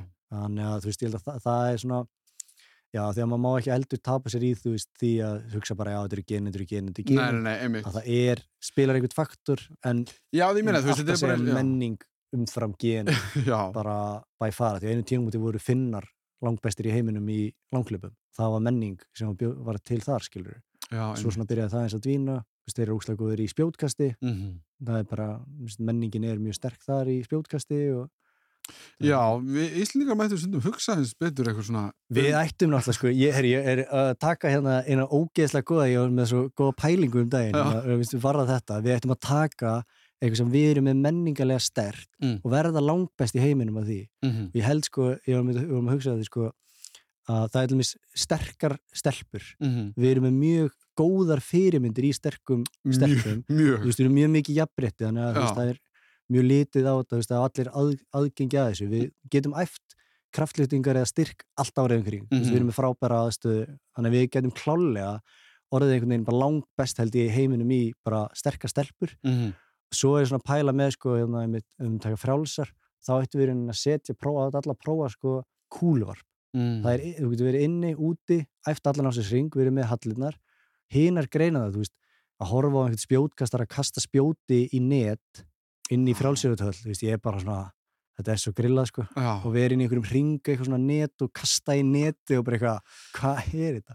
einmitt. Þannig að Ok, við erum að þetta- taka eitthvað svona og Við þurfum að sirka þetta út, einmitt. Og vera með, þegar við erum á fyrirmyndir menningu, þú veist, í júdó er líka þannig að geta verið með, við erum Ná- fyrirmyndir höfun að árangri 100% láta júdó. alla prófa júdó þannig að allir sem gætu orðið svona ástæðinu Eyja og Allandshafið sem er allir góður í júdó Já, við erum að finna eitthvað svona Já, ég er mjög hrifin Já, þessari við erum með það fótbalta, þú veist, núna við erum að gera það og við höfum gert það ágætlega en þú veist, ég vil Það er nú við erum- meira við erum oft. en við erum ekki að vinna, skilur gullvelun Nei, þannig getum við verið bara að vinna velun bara reglulega einhverju svona en við megum ekki fara í margar áttir bara, og sund er endar eitt sem við gætum. Það er enda rétt að þér. þá tekur líka út Það er einhvern hálf skrítið að við séum ok, ég ætla ekki, ok, nei ég ætla ekki, ég ætla ekki að ræja það, þann árangur sem við höfum náð í sundi en sko ég bara tala um með að við sundlögar á höfða Já, sko já. tölu já, hefðu við til dæmis mhm, sett menninguna beintinni betur einhvern veginn þá Já, við erum bara við með mögulega okkar Michael Phelps stórmestaralaun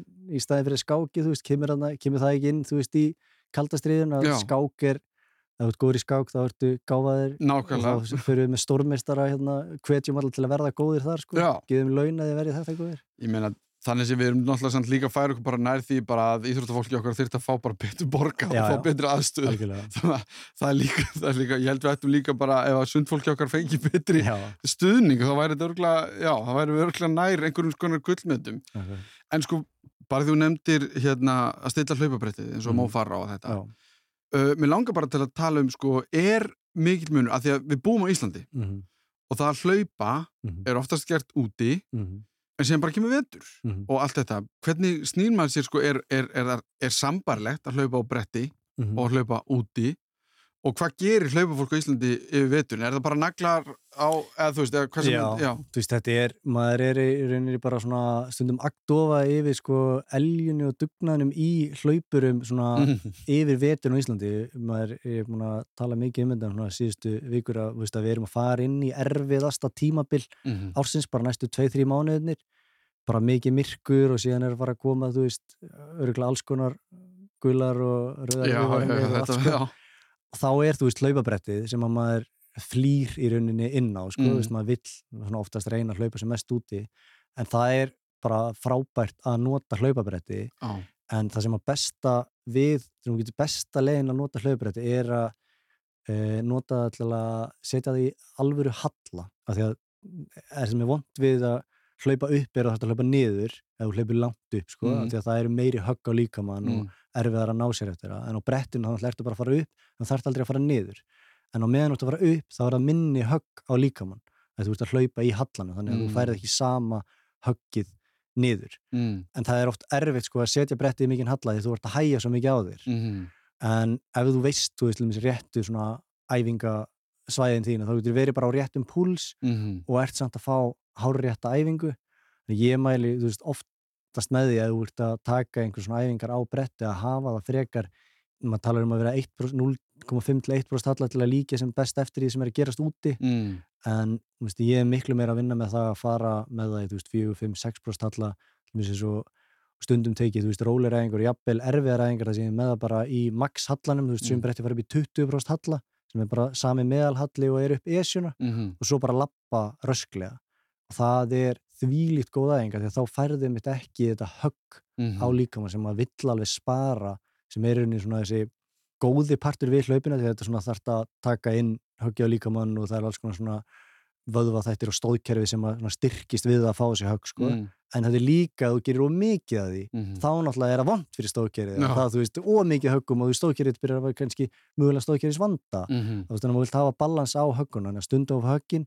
en stundum að geta farið bara á no- nýtt brettið sérstaklega mitt að vera með það í halla Mhm. þannig að það er, já, mjög stór partur að nýta brettið Á, einmitt, á mm og það kannski leiði líka að hinu -hmm. sem er að ég meina, ef það er einhver að hlusta eða eitthvað og, og meina, ég hef verið á pæli sem 37 ára, ég er búin að fá leið á liftingum við Mhm. langar í einhverju reyfingu, kannski bara skokkið málið fyrir Mhm. mig en það sem ég hugsa út í er þetta er fyrir flókin heimur Mm þú veist, þú getur verið með úr, þú getur þú veist, allt þetta, þú veist, fötin, skótnir -hmm. úrin, þannig að þetta getur líka og það er alltaf að tala um ingangskostnað eða byrjunar, byrjundakostnað í Mhm. öllu sporti sem þú ferði, eða hvað sem þú gerir það sem mér langar án þess að við erum ekki að fara út í hvaða plan maður á að gera, Nei. ég held að þú getur líka googlaði og bara byrja hægt og Mhm. allt þetta eða bara haft samband við þig að lesa bókinu þeirna eða Mhm. eitthvað en það er þetta sko ef ég ætla að forðast meðsli til dæmis skilju, því ég er líka orðin 37 ára og ég er með hnið sem að fara í fótbolta og Mhm. klímu og eru öll svona smá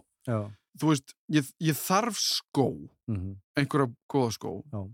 og hitt má svo sem alveg mæta afgangi ger ég ráð fyrir, Mhm. þú veist, úrið og, og, og, og allt þetta Algjörlega. og fötin, en ef við tökum bara skóna, að því er það ekki svona, kannski það mikilvægasta í þessu? Jú, algjörlega, því að þú getur farið bara mjög illa með líka mann í vittlusum skóm og, og hérna sérstaklega þú ert, veist, það er mjög gott að hlaupa berfættur en ef þú hefur ekkert verið að hlaupa og ferði síðan alltaf inn að hlaupa berfættur þá getur þú bara hort á tvær vikur af engum, engri hreyfingu sko að þú færið einhvern stífleika eða mm. vöðvarnir herpast einhvern veginn vittlust saman Já. og allt fyrir rugg sko þannig að þú veist, þú verður að vera með einhverja skó sem að svo vilt ekki heldur hlaupa í stífveilum skilur þá ertu ekki með neina tengingu og verðt líka potið að beita þér alveg kolvittlaust mhm, og getur fengið, þú veist, hælsæri og alls konar vesuna, þú veist, einhvern veginn, einhver staðar annað á milli skilur Þannig að eftir hverju er maður að leita? Eða, þú veist, hva, ef, ef ég, hvort sem ég fyrir á neti eða bara út í, Já, ég, eru til hlaupabúðir, það sem kannski gefa þér ráð. ég sko. myndi alltaf sko, ég myndi aldrei kaupa, þú veist, ætlaði að byrja myndi aldrei kaupa mér hlaupaskó á netinu sem þú veist Mm. ekki vera að máta Mhm, og eina og lang besta ráðið sem ég gef fólki með að kaupa hlaupaskó er bara þegar þú ferði þá þá þér að líða strax mjög vel. Mhm, þú veist, mjög vel. Mhm. veist, þú ætti ekki verið með neina tilfinningu öðnur en bara geðvikt stíði sér skó mhm, og svo þú veist, getur þú prófa að lappa smá og taka 2-3 skref og þeir að líða geðvikt vel. Mhm. Veist, það er bara eina, ef þú finnur ekki þessa skó þú veist, halda áfram bara að máta. En það er mjög líklegt að þú finnir einhverja skó þar sem þú færi þessa tilfinningu. Mhm, aldrei reyna að hlaupa til skó þú veist, mhm. aldrei reyna veist, ekki bara að köpa skó þegar þeir eru flottir og Já. síðan hérna Það er nóg af þeim, já. geggja flottir, ég verða það er ekki, þú veist, frekar einmitt að því að þarna finnur líka hvort þessi og stórir og litlir, Mm. bara þú finnur þetta strax í þessu eina mhm, testi sko og bara þegar að líða í þeim og það er, það er eiginlega, þú veist, það er aldrei, aldrei klikkað mér, aldrei klikkað á neinu sem kringum mig að bara þetta þetta svona test mhm. og frekar, þú veist að það verður að spurja um típuna, þú veist, að spurja um svona típu fyrir, þú veist, alltaf byrja á típunni fyrir róleglaup, Mhm. ekki fara hérna í 55 skrona skona, keppniskona sem að endast í 200 km en, en eru ekki ekki að því Já. það er bara svona, já, ekki Einmitt. alveg máli sko. Og það er kannski, þú veist, er einhver, að því að þetta er business eins og Mhm. hvað annað að þá kannski koma einhver hlutir eins og hjálpar þér að hlaupa, þú veist, Mhm. eitthvað svona herri bótt, þú Mhm. veist, er eitthvað þannig sem maður á að hafa í huga líka, þú veist, vill maður dempun, Mhm. þú veist, að því maður er kannski á malbyggi eða Já, eitthvað. stempunin er í, einmitt í þessum, þetta er svona fyrir nokkra típur skólu, keppniskór algjörlega fyrir eitthvað algjörst recovery, þú veist, Mhm. utanvega eða svona rólegt tempór, þú veist, Mhm.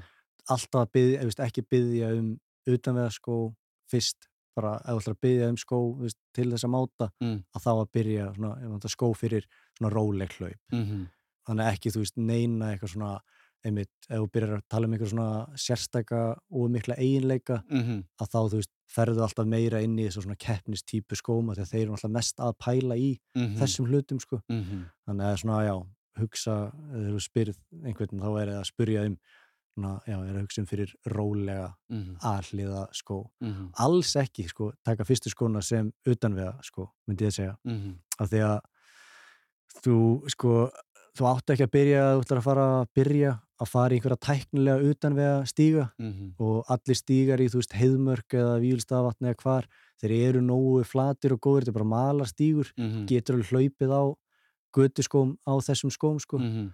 Ég hef hérna, ég múin að vinna lögaveginn tvisar á hérna, marathon keppnisskóm Mhm. hjá mér, þannig að veist, ég, ég getur alveg hlaupið það meiri segja á hérna, venjulegum skóm, sko.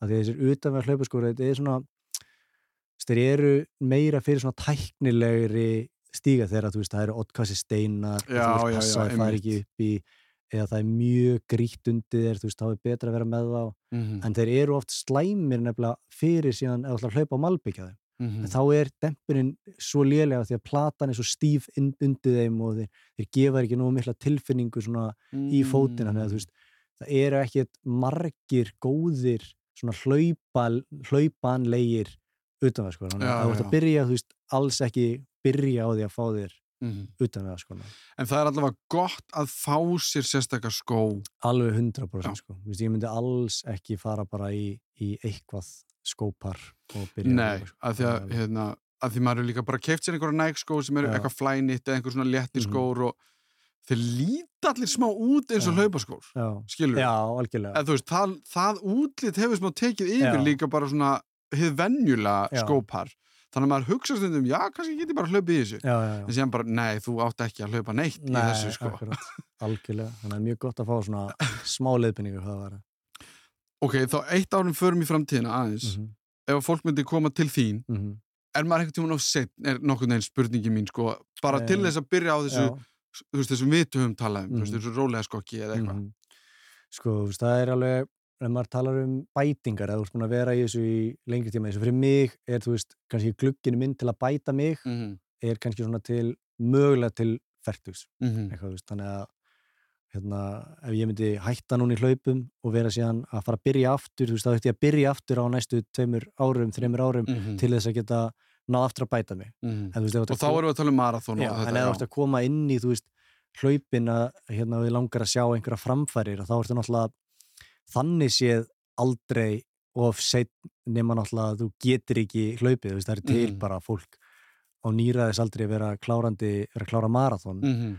Þannig að hvað það var þar og ég, þú veist, ég hef alveg verið að þjálfa fólk milli 60 og 70 sem er bara í þú veist, ég hef vel eldra 70, já, eldra en 70 ára bara Mm. svona sem er að hérna, gera ótrúlega hluti Mhm. en þá myndi ég alveg, þú veist, reyna samt að færa alltaf niður sagt magnið af hlaupum og Mm. kannski vera bara hlaupa einu sinni tvisar í viku en hinar æfingarnar ætti að vera á hjóli eða Mhm. lappi eða, eða sundi, einhverja svona högglausa æfingar því þú vilt ekki hafa allar æfingarnar að vera að negla í stóðgerfið Einmitt. hægri vinstri, þú veist, það er gott að fá þetta, þessa, þetta áreiti Mhm. af því að ef þú tekur til dæmis sundmenn Mhm. þeir sem eru bara í sundi fá aldrei neinn högg já, að þú veist, get, þú getur alveg þróa með þér einhver stóðkerfisvandamál þar af því Já, að þú færið aldrei höggin við erum upprétt, ekki hérna já þannig að þú veist, við þurfum að fá þessi högg upp á það að virkja allt stóðkerfið það er alls konar litli vöðvar sem að sjá um að halda okkur uppi og vera Mhm. í góður líkamstöðu sem eru ekki virkjaði þegar þú ert að synda þannig að það er svona faktor Já, að þú vilt ekki endilega bara taka sundið það er mjög gott að fá aðeins af höggunum en Mhm. ekki fara, þú veist eftir því sem þú er eldri ætti það alltaf að verða minni og minni svona prósent af því Mhm. sem þú ert að gera þannig að aldrei í rauninu of seint þannig síð, sko, veist ég, já. Já, svona innan auðvitað, já. Nema þú einmitt, þú sért bara með bara lélinn hné eða þú veist eitthvað, þannig, já. Akkurat. En ef maður segir að, við erum búin að tala um að lifta mm og maður segir að maður fara á liftir fyrir kannski til þess að líta betur út. Akkurat, þú veist, það er auðvitað heilsu allskins uh, kostir við það.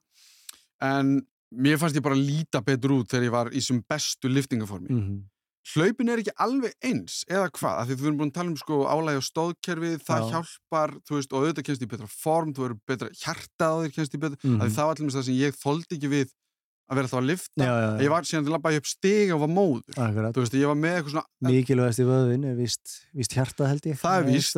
já, og ég var ekki að rækta hann Já. sérstaklega mikið, en þú sapnar ekki vöðum á hlaupum. Nei, skilur, er það ekki, en þú, þú, þú, þú kannski að brenna og þú verður uh, hvað maður að segja, ég veit ekki skornar í stæltari, þú veist, það Já. einhvern veginn meira þannig, en er svo ég bara svona fáið það einhvern veginn skýrt í hausuna mér þú veist, líkamlegir mm líkamlegi ágóðin af hlaupum -hmm. er í raun meira innifalli í þóli, þú veist, og bara lægri kvildapúls og, og þessu tóti frekar heldur en kannski útlitslega Já, þú veist, þú verður náttúrulega, að fara með þetta svona alla leið, þú veist, þá verður ekki, komið að segja, veist, stór og stæltur mm -hmm. hlaupari, þú veist, það eru mjög, náttúrulega, við erum flest mjög grönn, svona sem erum eitthvað komin uh, mjög langt í þessu, þótt að ég sjálfur er eins og sko einhver, hérna, veist, ég er 1,76 og 60 kíló, mm. svona 60-63 kíló, þegar ég er á startlínunni, þá er ég eins og einhver sko líkamsrætta frumuður, sko.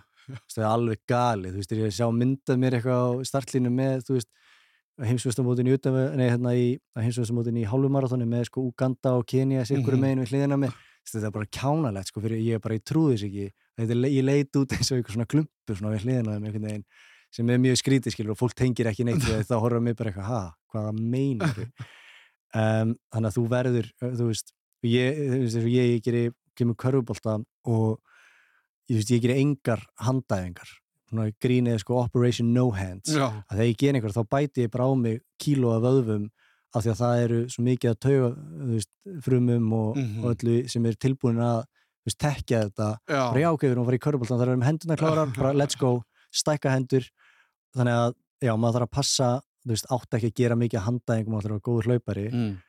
en að brenna einmitt fytunni, það er, þú veist myndi ég segja að væri svona leikillin hvað hlaupin og sérstaklega þá skokkið varðar ef Mm. þið langar að losna við þessi síðustu kíló eða taka einhverja fytu á þér, þá ættir að vera í einmitt löngum, hægum hlaupum.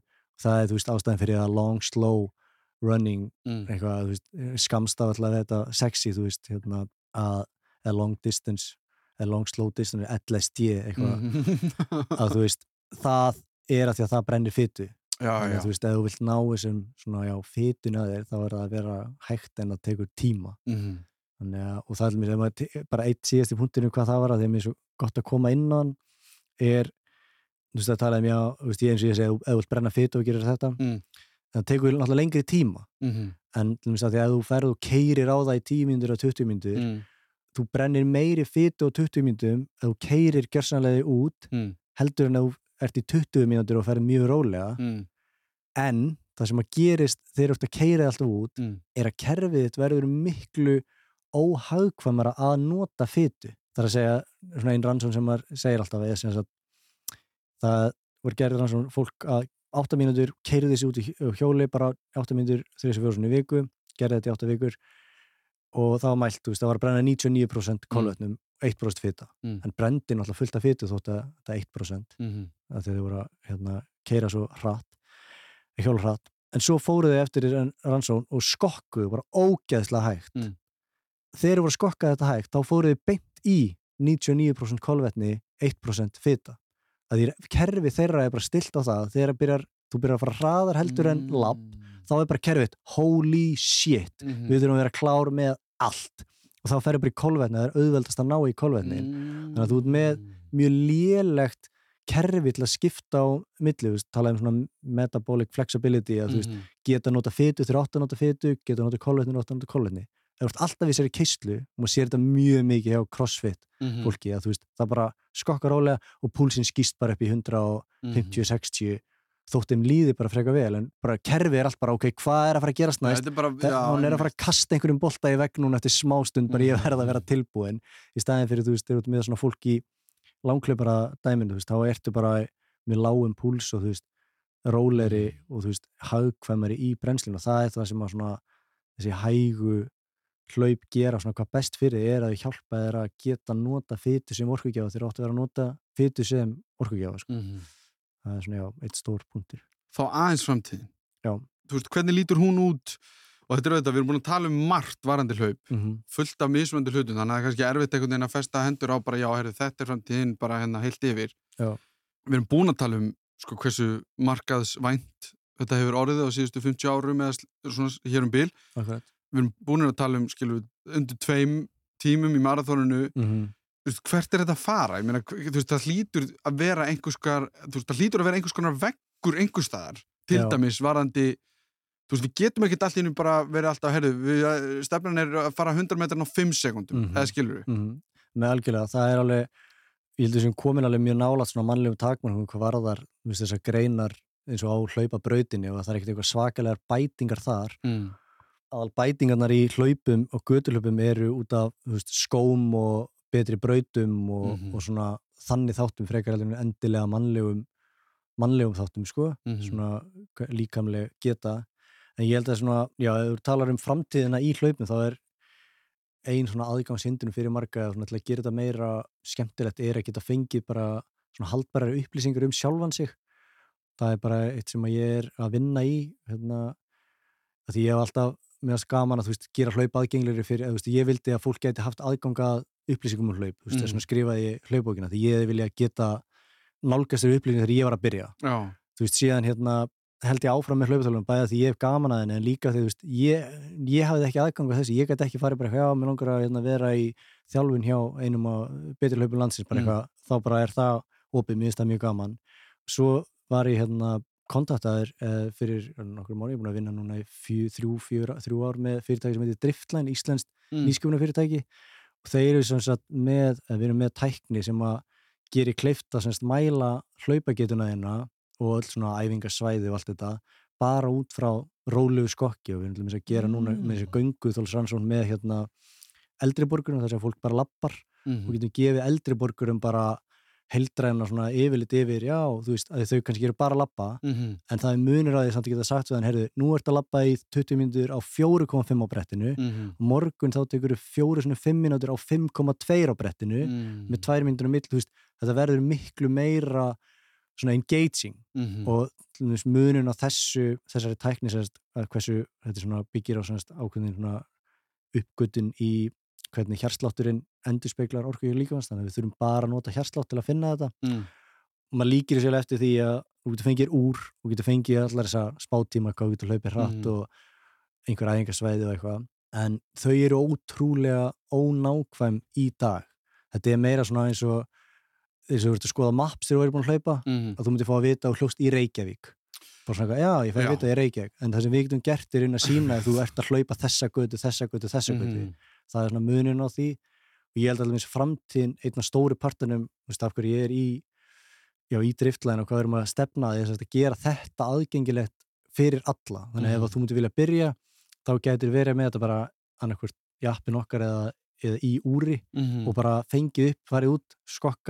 í appin okkar eða, eða í úri Mhm. og bara fengið upp, farið út skokkað í 10-20 mínútur fengið svo bara hérna upplýsingar um þig Mhm. ok, þá er ég bara með heldrana yfirleitt hvernig æfingar ég ætti að taka og ég er til dæmis fyrir mig ef þú myndir síðan vilja hafa einhverja aðhald fá þjálfara með þér, skilur Mm. þá getur þú gert það eins og í dag, þú veist einhverju sem hafa farið, við erum semst byrjuð með stat, svona hlaupaþólasmælingar Mm. sína fólki hvar það er stat til maður þess aðgreina frá driftlæn og ég elska, þú veist, þegar fólk er búið að fara í það sendi mér upplýsingarnar og ég get þá gert fyrir því ennþá nákvæmara Mm. prógram, skilur af því að það er eitthvað svona eins og ég talaði um til að halda þér í þessu Já. til að halda hlaupum svona sem partur af þinni reyning að vera með eitthvað svona nákvæmar upplýsingar Mhm. og það er líka eitthvað sem að getur síðan tekið lengra og fer, þú veist, að hugsa framtíðan í hvert hlaup stefna svona með líkamlega getu er til þess að horfir á Ingebrigtsen bræðuna í Noregi sem eru búin að vera, þú veist, eh, vinna olimpíu gull og Európu gull í 1500 metrum Mm. að þeir á hann byrjuði bara 10-11 ára á bara atunum hana þjálfun með mjölkusugumælingar, með hámasúrunnsuptöku og vera með allt mælt Mm. bara allt gert eins og vísindin bara mögulega best getur á kosið Mhm. ef þú getur fært þetta til dæmis ennþá meira í til dæmis vanþróðari lönd, þú veist eins og í Afríku Mm. þá er þetta flestir góður hlaupar að koma þaðan Mm. Þá er það samt ennþá svolítil svona veist, ég hef verið hann í æfingabúðum margóft Mm.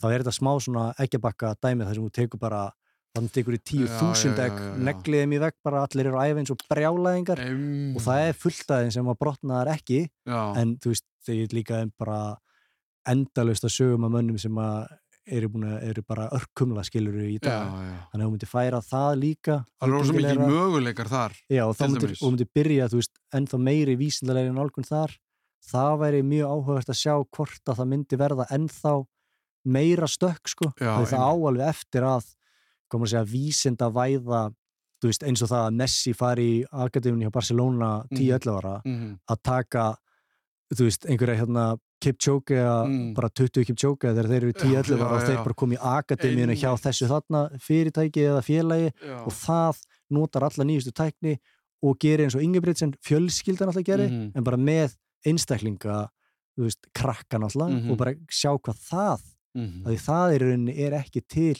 í dag, Mhm. hvað hlaupin var að sko, ef þú talar um svona hvert árangurinn, hvort hann gæti farið eitthvað lengra eða herra, sko, þá er þetta mjög áhugavert svona akade, hlaupa akademíur Mhm. myndi sprettu upp, en veist, peningarnir eru bara ekki það miklir Mhm. til þess að það kannski sé einhver svona kostur sem að er kannski raunhæfur eins og er sko.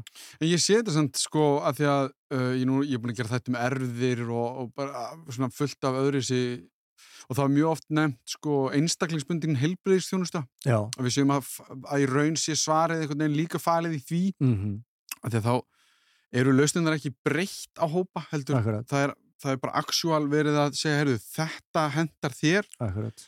og ég hugsa þetta líka sko varandi það Já. einhvern veginn að því að, að það myndi hjálpa sko að því fyrsta leið ef, ef þú ert þjálfari sem dæmi að þá ert ekki að renna blind í sjóin, þú Mhm. veist Akkurat. hvað og, og að því við vorum að tala um aldurinn á þann og Akkurat. þú varst að nefna það líka sko að, að þá er ekki, heyrðu, við erum með hérna hundra mann sem eru 70 ára Mhm. og þau fara öll á sama plan Akkurat. Af því að líkindareikningur gera verkum að það gengur ekki upp sko. Ymmi, það er mjög þannig að það er mjög stór partur af eitthvað sem ég er alveg þú veist, fáránlega spennt fyrir þetta ég veit hvað það gerir mikið, ég veit hvað það gerir mikið fyrir mig að vita, þú veist, ég er að stefna þanga og ég veit að þetta hérna er skrifin og ég er að taka þessa æfingu af því að hún er að gera þetta. Og þú veist, þú getur tekið þetta lemmis fyrir eins og eldri borgara og eitthvað og bara fyrir alla, mm þú veist, það gefur öllu sem þú gerir svo miklu, miklu meiri tilgang. Og bara Mhm. segir bara, heyrðu, ef þú gerir ert hérna á lappinu í þessum hérna hraða í 20 mínútur þá myndu, þú veist, sjá framfærir, það mun gerast. Bara, þú veist, og þú heldur á það bara, ok, ferðin í trúna og svo myndu sjá bara 2-3 vikur og bara allt í nörsta lappa eða skokka hraðar en púlsin er svo sami. Og þú veist, bara byrjar að sjá þetta og það, þú veist, verður þá svona jákvæður spíral sem að heldur þér inn í þessu sem að er náttúrulega mikilvægast að halda svona já, hilsunni sem lengst fyrir bara já, alla. Nei, já, það er alveg eitthvað sem að ég væri til að sjá í framtíðinni Hlaup eru kannski í sinni einföldustu mynd að setja einn fótinn fram fyrir hinn og sjá svo hvar maður endar. En málin eru fljóta flækjast þegar maður fer að elda tíma, vegalengdir og þól. Sjálfur endaði ég á því að prófa að fara í hlaupapróf hjá Arnari og er að pröfa mig áfram í að lappa og hlaupa til skiptis, fara eins hægt og ég get svo ég springi bókstala ekki á limminu. Ég efast um að ég færi einhver tíman að eldast við tíma eða hlaupa laugavegin en enn sem komið er fæ ég mikið út úr hreyfingunni.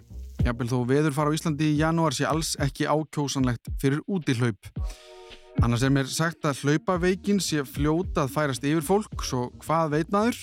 Eh, Eitt er þó allavega víst að Arnar Péturs er örugur með sína 58 Íslandsmeistara titla í byli. Um leiðu við þökkum honum fyrir komuna minni ég á postin minn allimarat.ruf.is þar sem á senda ábyrningar og spurningar. Tilaga að efni þáttarins kom til að mynda fyrst þar í gegn svo ég reynir mitt besta að verða við allskins óskum. Annars heiti ég Allimár Steinarsson og þakka fyrir mig. Þetta var Þú veist betur um hlaup. Heyrumst í næsta þætti